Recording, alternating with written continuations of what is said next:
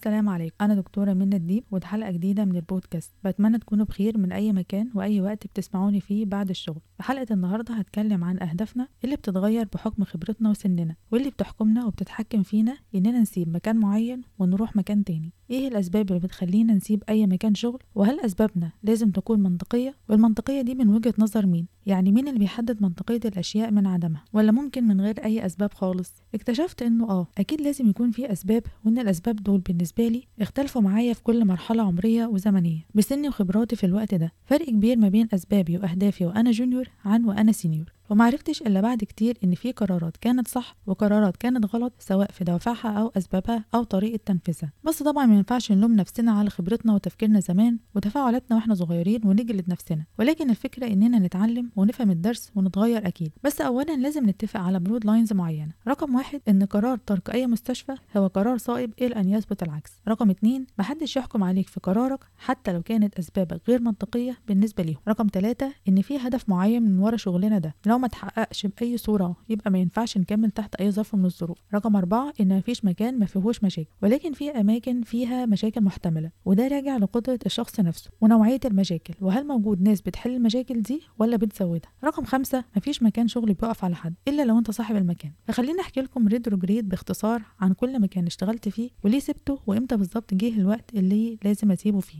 مش هقول على أسامي مستشفيات بعينها اولا عشان ما نعملش specification أو localization لمكان بعينه والحكاية تبقى broad وعامة وإن أي حد يقدر يلاقي فيه تشابهات أو اختلافات عن قصته وتجربته الشخصية بسهولة. وعشان كمان وده الأهم إن الناس اللي كانوا موجودين في الوقت ده والنظام اللي كان شغال ما بقاش موجود خلاص وحاجات كتير اتغيرت وانتهت. فأنا كان أول تعييني من عشر سنين وأول مستشفى حكومي اشتغلت فيها واستلمت فيها نيابة الأطفال كانت وليكن مستشفى ألف. كان اختياري للمستشفى دي إنها مستشفى مركزي ومتخصصة في الأطفال الأطفال بس استقبال أطفال بس مش استقبال عام وكل الأقسام الداخلي والرعاية المتوسطة والرعاية الحرجة وطبعا الحضانة. وكانت من أكبر مستشفيات المحافظة ونتيجة لتخصصها فهي كانت فيها أكبر عدد من نواب الأطفال وكان ال rate فيها عالي جدا والشغل فيها كان طحن. ولما كانت أهم حاجة عندي وأنا junior إن أشتغل كتير وأتعلم كويس وأمد إيدي وإن أكون مع team كويس فكانت المستشفى دي مكان مميز ومناسب جدا بالنسبة لي. وخاصة إن أهم factor لل junior و factor number 1 هو التعليم. وده وقت بيكون critical جدا لأي junior في أول شغله وحياته العملية لازم يكون كل اهتمامه إنه يتعلم ويتعلم بسرعة وإن ال gaining of knowledge and experience يكون عالي جدا. مش عشان يحل محل ال senior وبس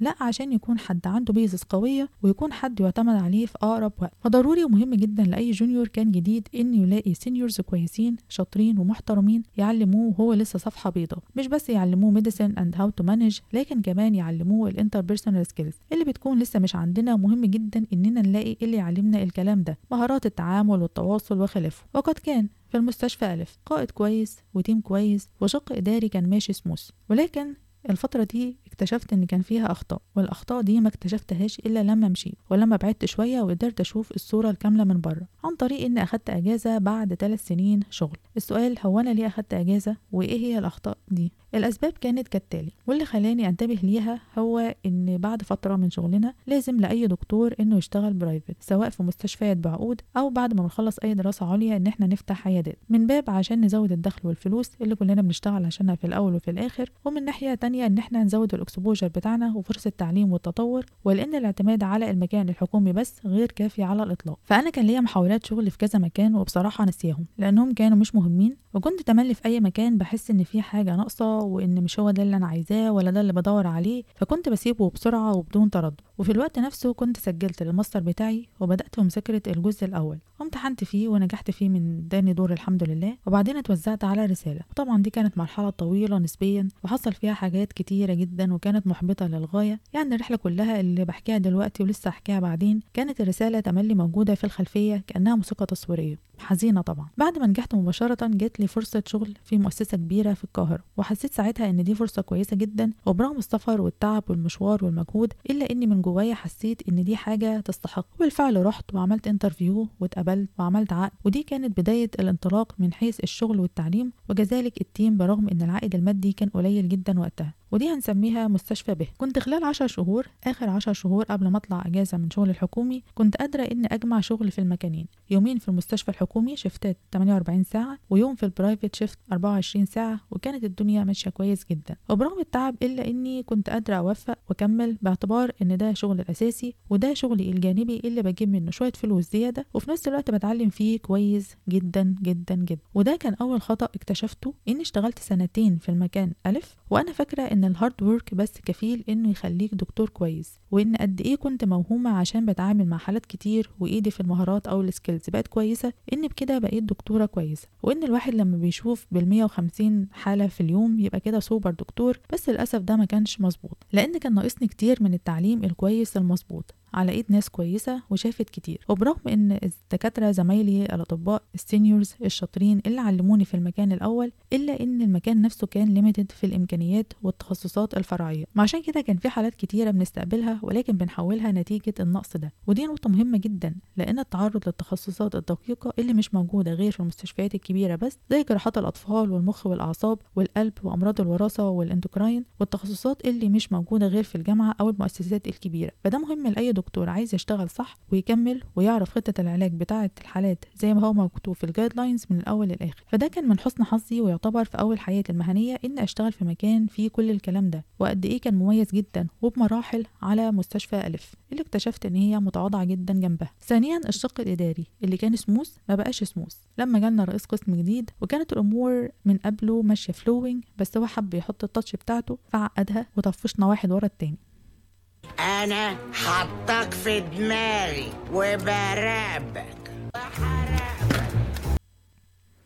فتحولت المستشفى من مكان ضاغط جسديا بسبب rate الشغل الكتير جدا لمكان ضاغط نفسيا وعصبيا. وعلى إيه؟ وإحنا كمان بنديه ومش بناخد حاجة في المقابل لا تعليم ولا غيره. أو خلينا أقول تعليم قليل نسبيا وبنطحن بس. فكان قرار اني أسيب مستشفى ألف بأجازة لحين إشعار آخر وأكمل بقى في ال private مستشفى ب. وكانت سنة من أمتع سنين شغلي. كنت مركزة كل طاقتي في مكان واحد بس. بيديني كل حاجة. تعليم وصحبة كويسة جدا و team كويس وقائد كويس وحاجة يعني أشبه بالنعيم. وده في حد ذاته كان غلط وبرضه اكتشفتها بعدين. وهي إني ما ينفعش أتعلق بشكل عاطفي وأوفر بمكان أو بناس لأن مفيش حاجة دايمة لا الزملاء ولا الكراسي ولا الإدارات وكل حاجة بتتغير. ملحوظ إني تملي بتعلم بالتجربة الأول وبعدين باخد الدرس والخبرة. تملي بالطريقة الصعبة أو الطريقة الطويلة. مع إني كان تملي حواليا ناس ليها خبرة وناس واعية لكن كان مخي شوية قاصر وببص تحت رجلي بس. وده برضه على المدى البعيد. مش صح؟ ومعرفش كل ده كان عامل السن بس وإني كنت صغيرة ولا إيه؟ وليه ما كانش عندي وعي وإدراك أكبر من كده؟ خلال فترة الأجازة بدأت أشتغل في مكان تاني مستشفى دال. ودال من أكتر الأماكن المحببة والقريبة جدا من قلبي. وبعدين الأجازة خلصت زي ما أي حاجة حلوة بتخلص وهرجع تاني بقى لمستشفى ألف. فجات لي فرصة عظيمة جدا وذهبية كل حاجة بتلمع في الدنيا إني أرجع بس على مكان تاني مستشفى جديدة نوفي. ولما كان كل مكان مكتفي بناسه ودكاترته والقوى العاملة هتعجز لو اتاخد أي حد من الأطباء دول فكان الأسهل من وجهة نظر اللي بيعينه اللي هيرجع من أجازته أو يقطعها هيروح مباشرة على المستشفى دي وليكن مستشفى جيم. وبكده نكون تيم جديد شوية من الدكاترة بتوع الأجازات وشوية من الناس اللي مخنوقين من أماكنهم الأساسية أو إن الناس مخنوقة منهم فوافقت على طلباتهم إن هم ينقلوا. اشتغلت في مستشفى جيم لمدة سنة وثلاث شهور انتهت بانقطاعي عن العمل الحكومي تماما ونهائيا وبدون رجعة. كان قرار كبير زلزل وهز ثبات حياتي وروتينها ولأول مرة بكتشف وبعرف يعني إيه ضغط نفسي وانهيار عصبي وإن سمية بيئة العمل ممكن تكون هي السبب في لخبطة واضطراب حياة الناس واكتئابهم. وده نفس الوقت اللي اتعلمت فيه حاجات سنين حياتي كلها معرفتش تعلمهولي ووعي وإدراكي زادوا جدا خلال الفترة دي. وصحيح كانت الطريقة قاسية جدا وصعبة بس محدش بيتعلم ببلاش. وكل شوية بتحصل مواقف بتهدم حاجات كنا متعودين ومتربيين عليها بتثبت مع الأيام إنها مش صح. بس برضه لا القديم اللي بنسيبه ولا الجديد اللي بنتعلمه بيكون كله صح للأسف. ولازم نتوقع كل حاجة وعكسها طول ما إحنا عايشين وطول ما إحنا بنتعامل مع نفوس بشرية. ودي مش حكاية فردية ده حكاية حصلت وبتحصل مع ناس كتير بتسيب شغلها من ضغط نفسي نتيجة التعامل مع ناس سمية. زي ما كان من فترة في ترند ال juniors وال seniors على ال social media نتيجة خبر استقالة نايب جامعة. وكان في ال comments ناس اتهمت الطبيب إن عنده هشاشة نفسية وإنه مش عارف ياخد حقه واللي يقول ده بكرة هيكون صورة ونسخة من اللي صعبوها عليه واللي يقول لك أصل متربي بزيادة ومش أنت مش عارف ترد عليهم. معلش هو إحنا رايحين نشتغل ونتعلم ولا رايحين نتخانق ونرد على بعض ومين ياخد حق التاني ونقدم في بعض مذكرات ونروح تحقيقات ولا رايحين نعمل إيه بالظبط؟ مفيش أي مراعاة إن الشغل أصلا ستريسفul لوحده. بجد لا تعليق. كانت الأخطاء في القرار ده كتيرة وكبيرة جدا وفي نفس الوقت الدروس اللي اتعلمتها كانت عظيمة جدا. فمثلا لأن الشغل مهم فلازم تكون بيئة الشغل مريحة والعلاقات اللي فيه صحية إلى أقصى حد ممكن. مش لازم تكون أحسن حاجة ولكن بالقدر اللي ممكن أنت تتحمله. والقدرة دي اللي بيحددها الشخص نفسه. مش أخوه ولا صاحبه ولا مراته عشان محدش يجي بعد كده يقول له أصل أنت اللي مش عارف تستحمل. تاني حاجة إن مفيش علاقات في الشغل دي مجرد علاقة مكان بيجمعنا وهو الشغل وبعد لما بنخرج من المكان كل حاجة متعلقة بالمكان ده بتخلص حتى لو خرجنا وسافرنا ورحنا وجينا مع بعض دي مش علاقات دايمة خالص. معظمها في المجمل ولو إن دي مش قاعدة ومش general rule لأن في صحاب وصداقات بتبدأ من المكان وبيتحولوا بيبقوا صحاب زمان لما بتتكون روابط بتكون أقوى من أي مكان أو زمن إنه ينهيها. تالت حاجة في سوء فهم بيحصل كتير جوه الشغل وكلام كتير من ورا الظهر. فبلاش تكون مشارك في الحوارات الجانبية دي وخد الكلام من السورس وما تسمعش من حد إلا من صاحب الشأن نفسه. المدير. اتفضل. على فكرة. آه أيوه نعم نعم نعم نعم يا فندم. هم سموك أبو الخير ليه؟ من أعمالي يا فندم. أي والله من أعمالي. المهم بعد ما سبت مستشفى جيم كملت شغل في مستشفى ب ودال وكانت حالتي النفسية بدأت تتحسن تدريجيا. وعايزة أقول إني أخدت سنتين استعنت فيهم بصحاب كتير واستشارات نفسية وقريت كتير كتب في مجالات كتير لغاية ما رجعت تاني للتوازن النفسي الكامل واتخلصت تماما من الآثار السلبية نتيجة الضغط الرهيب اللي كنت اتعرضت له. وده هياخدني لنقطة مهمة جدا وهي إزاي أسيب مكان بأقل قدر من الخسائر المادية والنفسية والعلاقات كمان. طبعا أولا قبل ما تسيب مكان لازم تأمن مكان تاني ويكون أحسن من المكان الأول وليه مميزات أكتر وطبعا دي معروفة جدا ودي الحالة الوحيدة اللي لو ما لقيتهاش في الوقت ده فمضطر فعلا تيجي على نفسك وتصبر وتستحمل وتسعى بكل جهدك إنك تلاقي فرصة تانية في أقرب وقت. تاني حاجة لازم تبلغ المديرين وأصحاب المكان قبلها بفترة كافية عشان مكانك ما يفضاش فجأة وهم مش مرتبين أو عاملين حسابهم. ولو إن النقطة دي مش موجودة في مجتمعنا ومش مهمة وتملي بيحسسوك إننا كتير وروح أنت يجي بكرة مكانك عشرة. عادي جدا يعني. وحاول على قد ما تقدر ولو إن دي صعبة في بعض الأحيان عشان كتير ناس بتسيب الشغل وفي خلافات كتير بينهم وبين بعض أو بينهم وبين أصحاب الكراسي. يعني أهو